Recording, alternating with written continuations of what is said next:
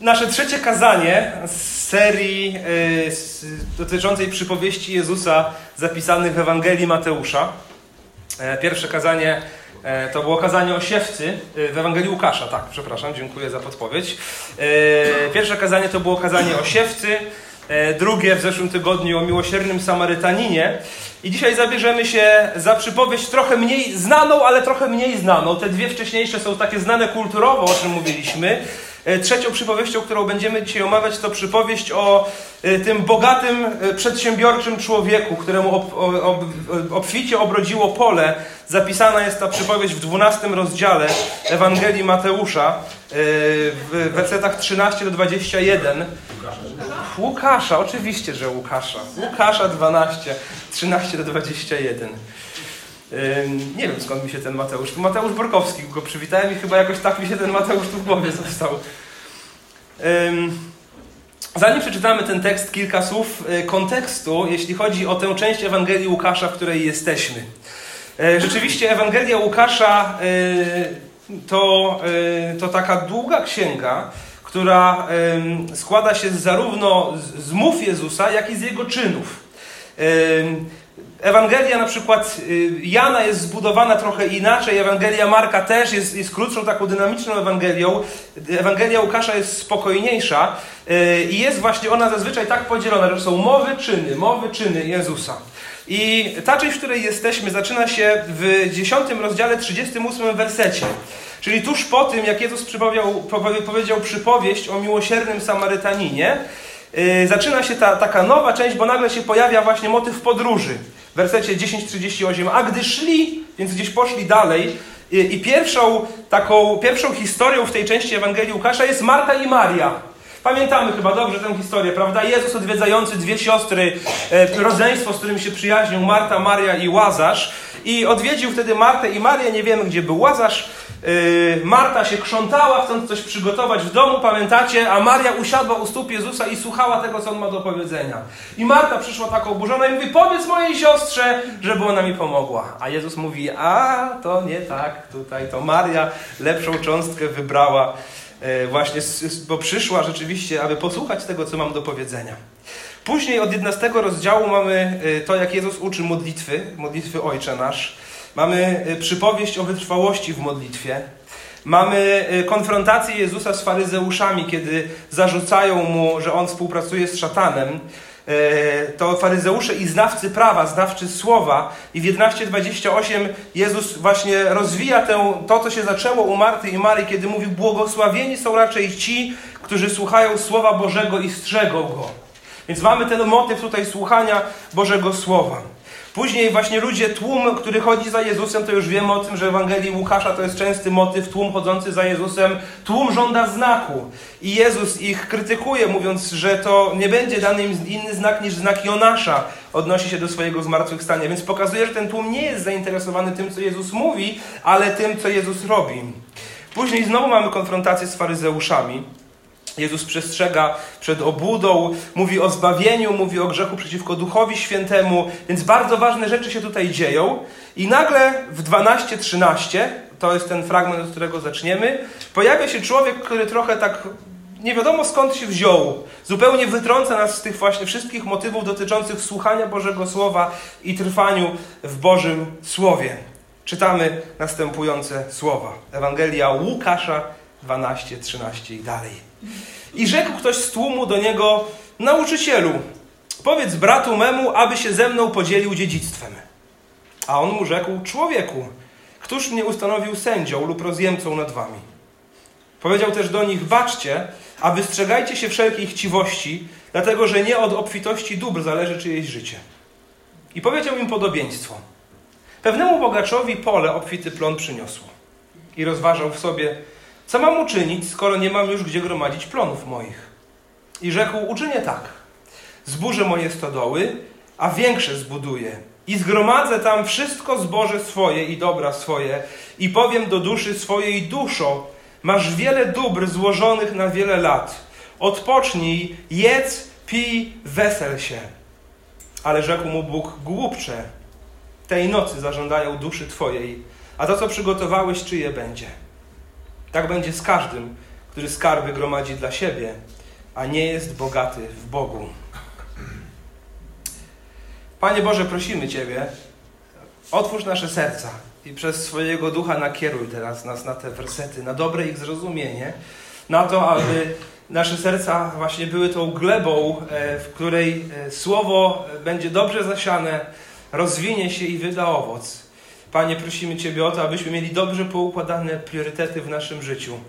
Prosimy Ciebie o to, aby e, nikt z nas nie był tym, który usłyszy od Ciebie słowa głupcze, kiedy stanie przed Tobą, ale raczej abyśmy poznając Twoje słowo, strzegli tego słowa, Panie, aby ono nas przemieniało wespół z Twoim duchem na Twoje podobieństwo, w oczekiwaniu na spotkanie z Tobą jako Twoich dzieci, a nie głupców. Prosimy, poprowadź nas teraz w czasie rozważania Twojego słowa. Amen.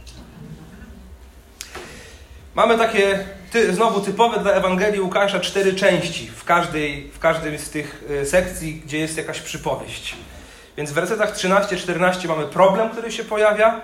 W wersecie 15 mamy ostrzeżenie, w wersetach 16 do 20 mamy lekcję albo przypowieść i w wersecie 21 zastosowanie. Prawie za każdym razem tak, tak to jest zbudowane. Jakiś pojawia się problem, Jezus daje ostrzeżenie, potem daje przypowieść i na końcu jakieś zastosowanie tej e, przypowieści. Z wersetu 13 dowiadujemy się właśnie, że w tej sekcji, gdzie Jezus naucza, nagle pojawia się, przychodzi do niego jakiś człowiek, który wiedzie spór ze swoim bratem. Myślę, że to ciekawe w tym miejscu, bo pamiętacie, ta część Ewangelii rozpoczyna się od sporu dwóch sióstr. Marty i Marii, które też właśnie jedna z nich przychodzi do Jezusa mówiąc, rozwiąż sprawy między nami. Tutaj przychodzą, przychodzi dwóch braci, a, a, jeden z nich na pewno mówi i też mówi, rozwiąż spór między nami. Ciekawe jest to, że w tym pierwszym przypadku Jezus ten spór rozwiązał, w tym przypadku natomiast mówi, kto mnie ustanowił sędzią między wami. Za chwilę sobie odpowiemy na to pytanie, dlaczego tak tutaj się dzieje. Więc nie wiemy, czy przyszło dwóch braci, czy przyszedł jeden, ale chyba było ich dwóch, skoro mówi do Jezusa, powiedz mojemu bratu, więc wyobrażam sobie, że ten brat stoi gdzieś obok. Jeden z nich tylko z tych braci głos zabiera. Nie wiemy, czy ten, który głos zabiera, który przychodzi ze skarbą, ma rację, czy nie. Być może on przychodzi sprawiedliwie, prosząc o to, żeby Jezus zainterweniował, bo, bo po, po stronie tego właśnie brata on się czuje pokrzywdzony, jednego z tych braci, jest słuszność. A może jest chytry, chce się wycwanić. Nie wiemy tego. Ale to, co możemy powiedzieć o tym człowieku, to to, że rzeczywiście e, wpisuje się on w to, co w tej części Ewangelii się pojawia, bo tak jak Jezus mówi o ważności słuchania Bożego Słowa i pojawiają się ci znawcy prawa, które Boże Słowo znają i je słyszą, ale w ogóle go nie stosują, nie są z nim zainteresowani, tak też i ten człowiek. Tak wyskakuje on nam tutaj jak ten przysłowiowy Filip z Konopi. No w ogóle nie wiemy skąd się wziął. Jezus naucza i nagle ktoś mu po prostu przerywa jego kazanie i mówi, a Panie Jezu, a weź się na chwilę zatrzymaj, bo ja tu mam sprawę bardzo ważną. Musisz mi pomóc. Musisz rozwiązać spór między mną a moim bratem. Powiedz mojemu bratu, żeby się ze mną podzielił dziedzictwem.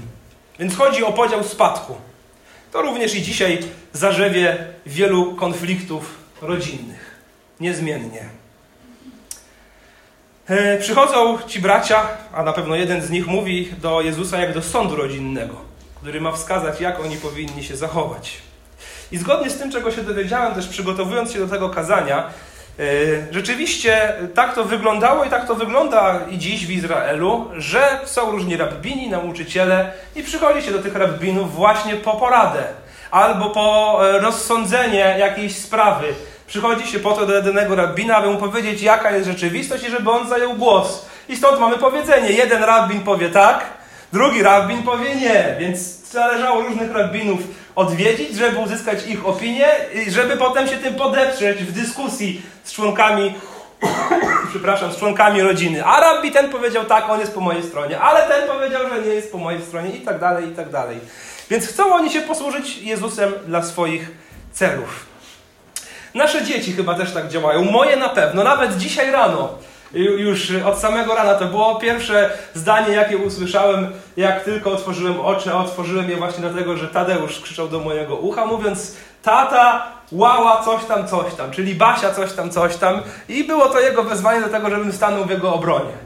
Kilka razy dziennie zdarza mi się poczuć, jak Jezus tutaj w tej przypowieści, że przychodzi ktoś z moich dzieci i chce, żebym obrał jego w stronę i żebym przygadał tej drugiej stronie, żeby rozwiązać jakiś problem. Więc, więc jakby czuję tą historię osobiście i pewnie każdy z Was tego również doświadczał. Chcą, aby Jezus e, poparł e, żądania jednej ze stron. I Jezus mówi: Człowieku, któż mnie ustanowił sędzią lub rozjemcą nad Wami? Więc Jezus nie daje się wciągnąć w grę tego człowieka, nie jest zainteresowany rozwiązywaniem tego typu sporów e, u ludzi, którzy nie są jego uczniami. Bo rzeczywiście wśród tłumu misja, jaką Jezus realizował, to była misja skupiająca się przede wszystkim na nauczaniu. Na nauczaniu. Jezus kierował do nich słowa, ale pamiętajcie, często e, właśnie było nauczanie przeznaczone do tłumu, ale wyjaśnienie jakiejś przypowieści było już przeznaczone dla uczniów. Więc widzimy wyraźne rozróżnienie między uczniami, a między tłumem. Ten człowiek nie był uczniem Jezusa. Między Martą i Marią Jezus rozwiązuje spór. Pamiętacie, bardzo podobny spór, jak ci tutaj dwaj bracia mieli Jakub i Jan którzy kłócili się o to, kto będzie miał wyższą pozycję w niebie. Jezus tam również rozwiązał spór. Dlatego, że on rzeczywiście rozwiązuje spory między swoimi uczniami, ale do tłumu, który tak naprawdę nie jest zainteresowany Jezusem, nie jest zainteresowany pójściem za nim, cóż to da, że Jezus im powie, jak się zachować? Oni nie są zainteresowani słuchaniem Jezusa, e, znaczy nie są zainteresowani posłuszeństwem Jezusowi, oni są zainteresowani wykorzystaniem Jezusa do swoich celów. Brzydko mówiąc, wycierają sobie gębę Jezusem. Tak również i dzisiaj myślę, że możemy powiedzieć o ludziach. Są ludzie, którzy chcą coś uzyskać, dla których Jezus, czy w ogóle szeroko pojęta religia jest tylko jakimś, e, jakimś, jakimś wytrychem do tego, żeby jakieś drzwi otworzyć. To są zupełnie inni ludzie niż ci, którzy świadomie idą za Jezusem. Zupełnie inna jest, e, zupełnie też jest inne podejście Chrystusa, widzimy tutaj, do Jego uczniów. Jezus wykorzystuje właśnie tę sprawę, ten problem, z jakim przyszedł ten mężczyzna, do ostrzeżenia i do nauczania. Ostrzeżenie jest następujące w wersecie 15. Baczcie, a wystrzegajcie się wszelkiej chciwości, dlatego że nie od obfitości dóbr zależy czyjeś życie. Sprawdzałem ten werset w kilku tłumaczeniach. Najbardziej podoba mi się to, jak on jest oddany, oddany w Biblii Paulistów, w edycji świętego Pawła. Jezus tam mówi: Uważajcie i strzeżcie się wszelkiej chciwości, bo życie nie polega na gromadzeniu bogactwa, ani nie zależy od tego, co posiadacie. Życie nie polega na gromadzeniu bogactwa, ani nie zależy od tego, co posiadacie. Więc mamy tutaj chciwość i budowanie swojego życia na tym, co się posiada. Choroba, która trawi ten świat od tysięcy lat. Pragnienie tego, żeby posiadać więcej i więcej, porównywać się z innymi i wybić się ponad tych innych. E, to bardzo częsty problem. I rzeczywiście chyba jest też tak, że jedni mają z tym większy problem, inni mniejszy. To chyba trochę zależy też od charakteru. Nie wiem, czy się ze mną zgodzicie. Są tacy ludzie, którzy mają, którzy chętnie się porównują i którzy mają, mają jakiś taki znacznie bardziej materialistycznie nastawiony charakter. Są tacy, którzy mają znacznie mniej, ale na różnych etapach życia, prędzej czy później, każdy z nas zmaga się z podobnym problemem. Nawet jeśli nie chodzi o pieniądze, to może chodzić o, coś innego, gdzie chcemy mieć więcej od innych, bo się z nimi e, porównujemy, e, albo po prostu chcemy, e, czujemy się niesprawiedliwie potraktowani, potrzebujemy więcej i więcej. Więc celem tej przypowieści, którą zaraz powie Jezus, aby dotknąć sedna sprawy, nie jest to, że Jezus krytykuje bogacenie się, albo nie jest to, że Jezus krytykuje bycie przedsiębiorczym, bo ten człowiek w tej, w tej przypowieści jest człowiekiem przedsiębiorczym. Nie na tym polega problem. Problem polega na chciwości i problem polega na tym, w jaki sposób on patrzy na swoje życie. E, więc celem jest dotknięcie właśnie tematu e, chciwości posiadania, budowania swojego życia na jakimś fundamencie. E, I chyba ma ta, ta przypowieść pobudzić nas do takiego myślenia, nad którym rzeczywiście warto się co jakiś czas zastanowić nad takim pytaniem. Czy to ja mam moje rzeczy, moje majątności, czy to moje rzeczy mają mnie? Czy to ja mam swoje majątności, czy to majątności mają mnie? Czy to ja mam rzeczy, czy to rzeczy mają mnie? Sprawa zawsze aktualna. I Jezus daje taką przypowieść. Przeczytam ją jeszcze raz, 16 do 20. Pewnemu bogaczowi pole obfity plon przyniosło i rozważał w sobie, co mam uczynić, skoro nie mam już gdzie gromadzić plonów swoich. I rzekł, uczynię tak, zburzę moje stodoły, a większe zbuduję i zgromadzę tam wszystko zboże swoje i dobra swoje i powiem do duszy swojej, duszo, masz wiele dóbr złożonych na wiele lat. Odpocznij, jedz, pij, wesel się. Ale rzekł mu Bóg, głupcze tej nocy zażądają duszy Twojej, a to, co przygotowałeś, czyje będzie. Więc pewnemu człowiekowi dobrze idzie w biznesie, jaki prowadzi. Pole przyniosło obfity plon. Jest rolnikiem e, jakimś, no, mającym wiele pól, no bo ma wiele stodół. E, no i trafił się wyjątkowo dobry rok. Może dobrze obsiał, może dobrze, dobrze nawoził, a na pewno po prostu tak się, tak się ten rok ułożył, że, że pole dało obfity plon. Czy to źle, że dało obfity plon? No nie. No. Każdy, kto sadzi, chciałby mieć obfity plon. To, to nie jego wina, że tak się wydarzyło. Wręcz może przeciwnie, bo, może coś właśnie jakieś dobre ruchy wykonał, że ten plon jest obfity. Gdyby to spotkało kogoś z nas, ktoś z nas by przyszedł tutaj na nabożeństwo i przed nabożeństwem albo w czasie kawiarenki powiedział wiesz co, Samuel, no tak mi obrodziły na przykład moje winogrona, albo nie wiem, albo moje zboże, albo moje żyto, e, tak, tak obrodziło, no niesamowicie w tym roku. To co byśmy powiedzieli? A no chwała Bogu za Boże błogosławieństwo. Prawda? Rozpoznalibyśmy, że to jest Boże błogosławieństwo. Więc nad tym człowiekiem też pewnie wielu mu mówiło, no Pan Bóg ci pobłogosławił. Pole wydało obfity plon. Chwała Bogu za to. Cieszymy się e, tym, kiedy, e, kiedy w życiu naszych bliskich, naszych przyjaciół układa się również w biznesie, kiedy, kiedy po prostu im się powodzi. E, traktujemy to jako, jako Bożą, Boże błogosławieństwo, Bożą pomyślność. Tym bardziej tak to wyglądało w czasach Starego Testamentu.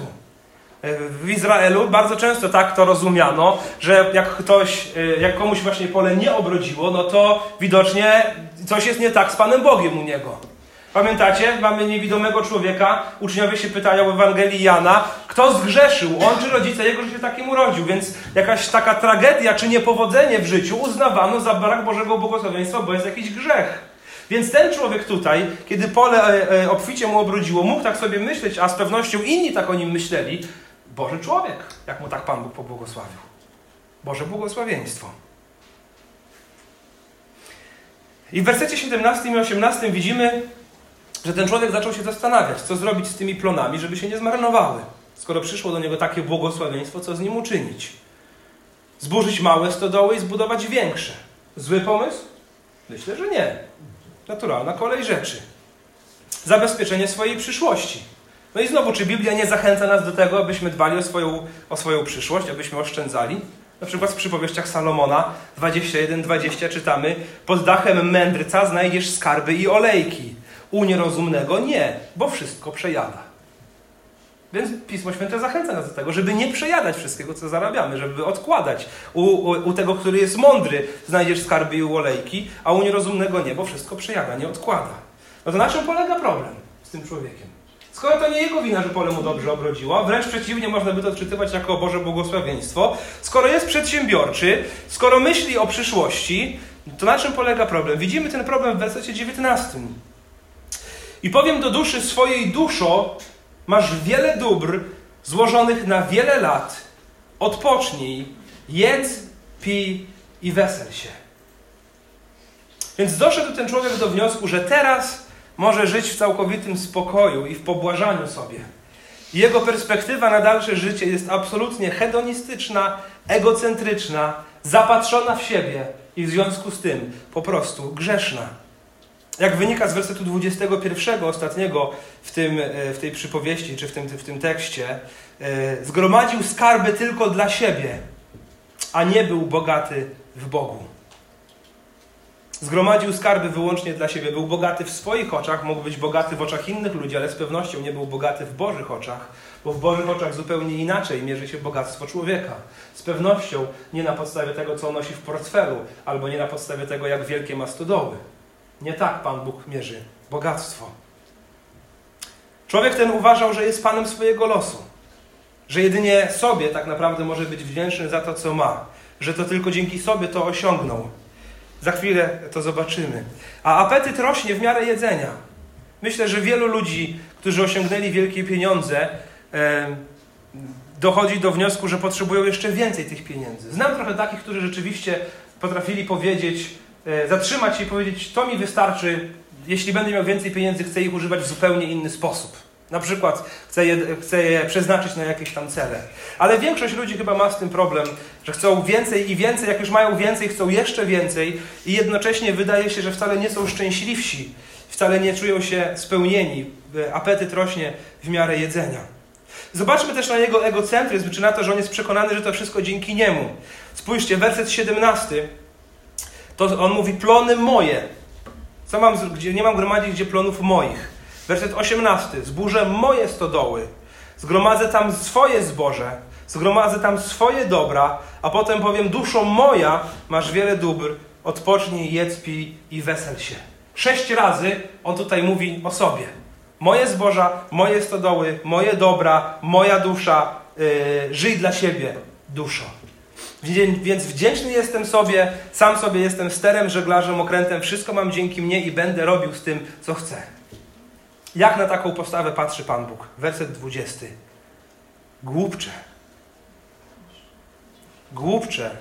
Tej nocy zażądają duszy Twojej, a to, co przygotowałeś, czyje będzie. Z Bożej perspektywy, tak przeżyte życie jest po prostu głupie. Choćby w, w oczach tego świata uchodziło za wartościowe i godne pożądania. W Bożych oczach jest głupie. A kto jak kto, ale ten, który jest stworzycielem człowieka i rzeczywiście panuje nad życiem każdego z nas, wie co mówi. Pan Bóg wie co mówi. Głupie to jest, bo rzeczywiście to nie człowiek jest panem swojego życia, nawet jeśli myśli, że jest. Czasami można usłyszeć takie ewangelizacyjne wezwanie. Pewnie słyszeliście wiele razy. Uczyń Jezusa Panem swojego życia. Słyszeliście? Na pewno tak. Ja słyszałem wiele razy. Wiem, co kaznodzieja ma na myśli. Jest to taki pewien skrót myślowy, ale chyba warto zauważyć, Jezus i tak jest Panem każdego życia. Jezus i tak jest Panem każdego życia.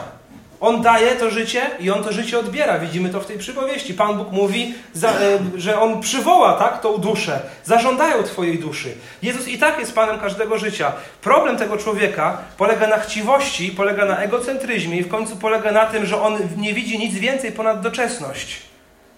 Więc pytanie w życiu człowieka jest tylko takie, czy człowiek uznaje to panowanie Jezusa i poddaje się temu panowaniu, czy też chce wierzgać przeciwko niemu i myśleć, że on sam jest Panem swojego życia. Jeden z kaznodziejów e, zaproponował kiedyś taki dobry test, szczególnie dobry dla młodych ludzi. Więc popatrzę tutaj teraz na, na naszych nastolatków i może na, na tych właśnie z młodszego pokolenia.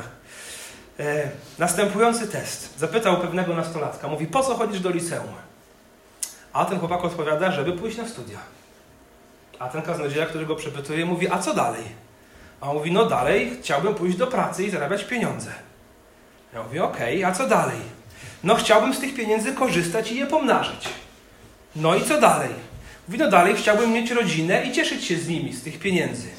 No i co dalej? No chciałbym odłożyć odpowiednio dużo na godziwą emeryturę. No i co dalej? No chciałbym zostawić po sobie dobry spadek. No i co dalej? Mówi, no dalej chyba przyjdzie mi umrzeć. No i co dalej? I tu pojawiło się milczenie. I co dalej? To jest bardzo dobre pytanie do zadania e, sobie albo innym, w zasadzie na każdym etapie życia, aby wiedzieć, o co człowiekowi w życiu tak naprawdę chodzi i do czego on zmierza. No i co dalej? No i co będzie dalej? No i co będzie dalej? Bóg nazwał tego człowieka głupcem, bo ten człowiek zapomniał, że jego życie jest mu tylko użyczone. Jest mu użyczone i że Pan Bóg w każdej chwili może zażądać zwrotu tego, co zostało mu użyczone. I po zakończeniu tego ziemskiego życia przyjdzie stanąć przed Bogiem i rozliczyć się z tego życia, które wedle Bożych standardów u tego mężczyzny okaże się po prostu głupio spędzonym życiem. No i co dalej? I werset 21 mówi: Tak będzie z każdym, który skarby gromadzi dla siebie, a nie jest bogaty w Bogu. Co to zatem znaczy być bogatym w Bogu?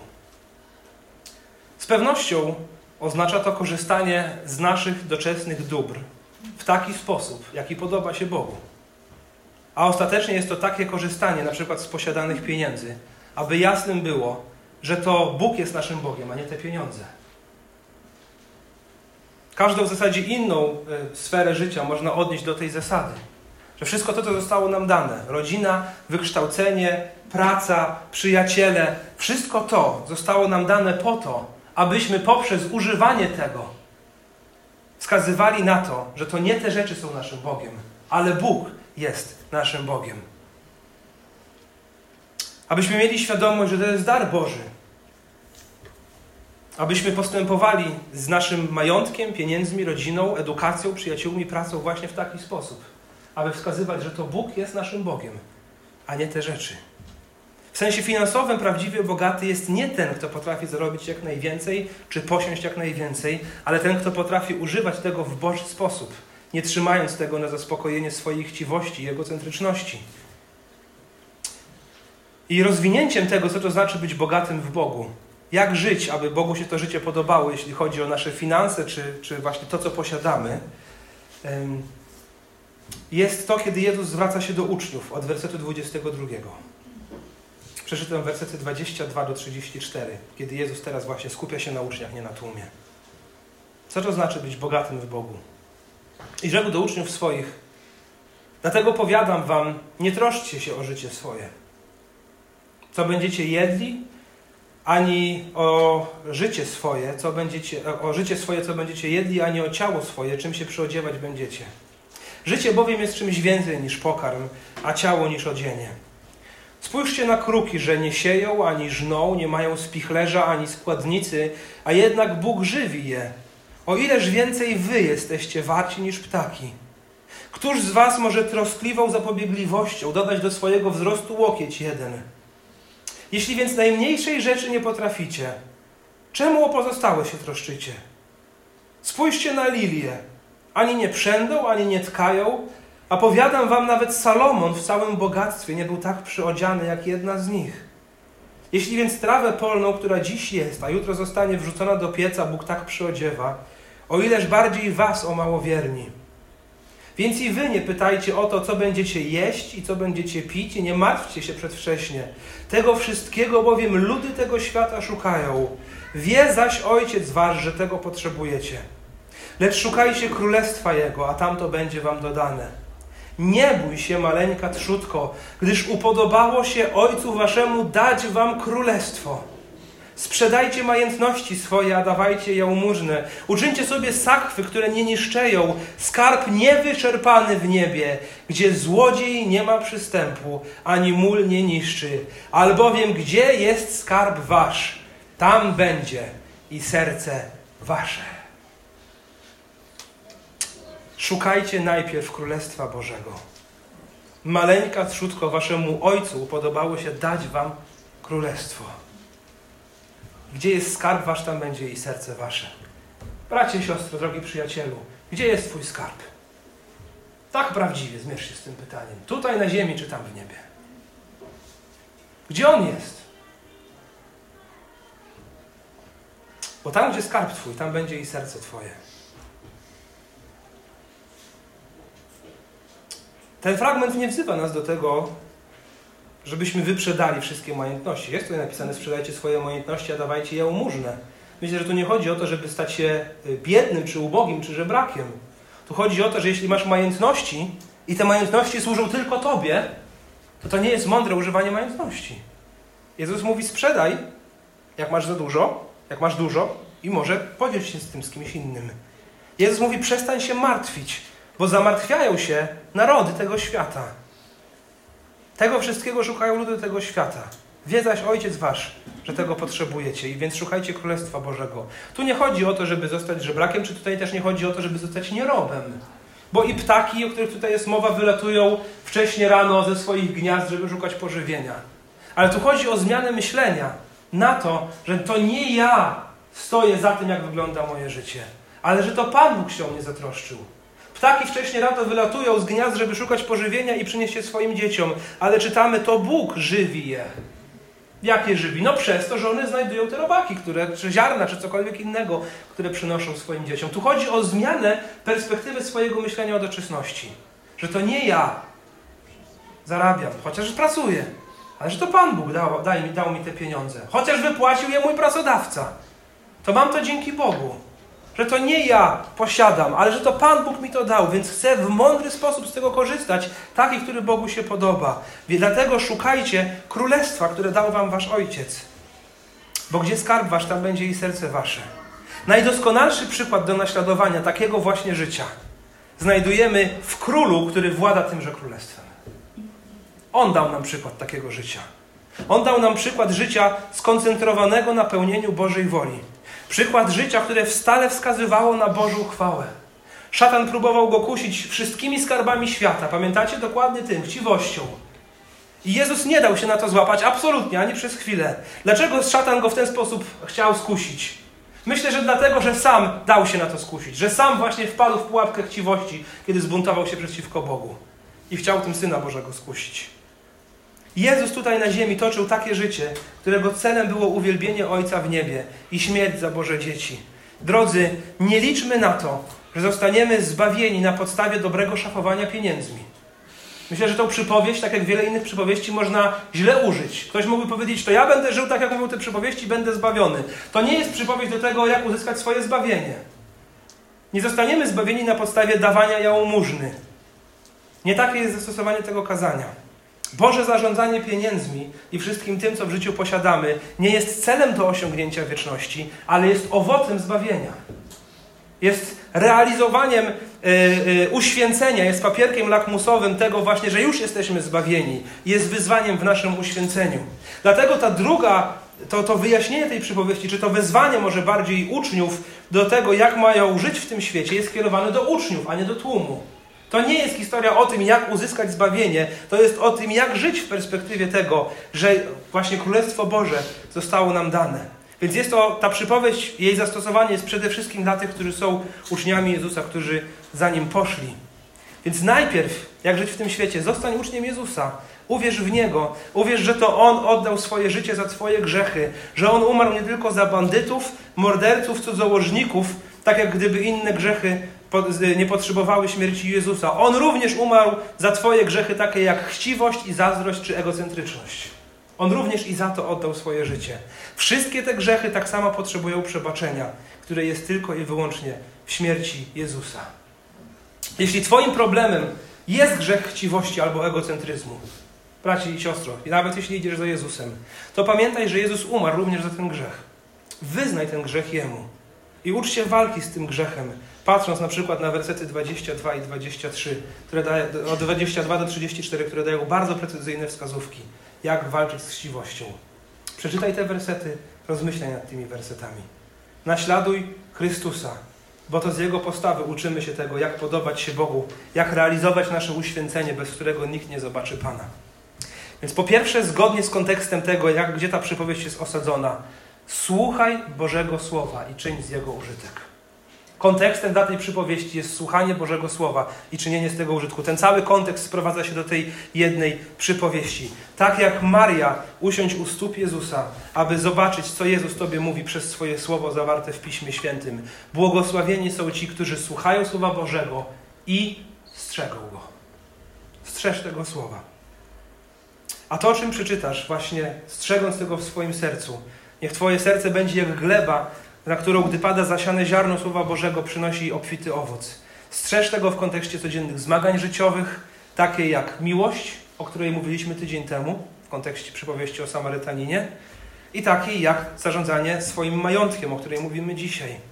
Badajmy nasze serca, drodzy, aby sprawdzać, czy mamy rzeczy, czy to rzeczy mają nas. Czy to ja mam rzeczy, czy to rzeczy mają mnie, czy to ja mam jakiś majątek, czy ten majątek ma mnie, niezależnie od wielkości tego majątku. I bądźmy świadomi, że wszystko, co mamy, nawet jeśli ciężko na to pracujemy swoimi rękami, ostatecznie mamy dzięki Bożej łasce. To nie jest nasze, to zostało nam użyczone. Więc mądrze z tego korzystajmy. Zostało nam dane po to, abyśmy wskazywali, że szukamy najpierw Królestwa Bożego i to w nim jest nasze serce, a nie w tym, co posiadamy. I zachęcam, zatrzymujmy się co jakiś czas na różnych etapach naszego życia, aby zadać sobie pytanie: i co dalej? I co dalej? Bo ostatecznie zawsze na końcu tego łańcucha i co dalej będzie to, że stanę przed Bogiem. Stanę przed Bogiem. I co wtedy od Niego usłyszę? Nie daj Boże, aby ktokolwiek z nas usłyszał od Niego głupcze. Głupcze. Raczej, by każdy mógł usłyszeć sługo dobry i wierny. Bo do tego się to wszystko sprowadza. Więc po pierwsze, aby przygotować się na to stanięcie przed Bogiem i nie usłyszeć głupsze, potrzebujemy łaski Chrystusa, przyznania się do Niego, wyznania Mu swoich grzechów, jak już mówiłem, i pójścia za Nim. A po drugie, mądrze korzystajmy z tego, co Bóg nam daje. Kiedy już jesteśmy zbawieni, wiemy, że do Niego należymy, godnie Go reprezentujemy w tym świecie, nie żyjąc tak jak ten świat. Pan Bóg daje nam czasami mniej, czasami więcej, tak jak to uznaje za słuszne.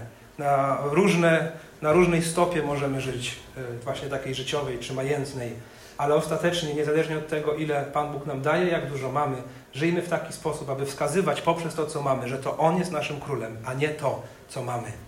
Co by nikt z nas nie usłyszał słów głupcze, ale został radośnie przywitany przez Ojca jako Boże dziecko. Tego sobie życzę i tego Wam życzę. Amen. Amen.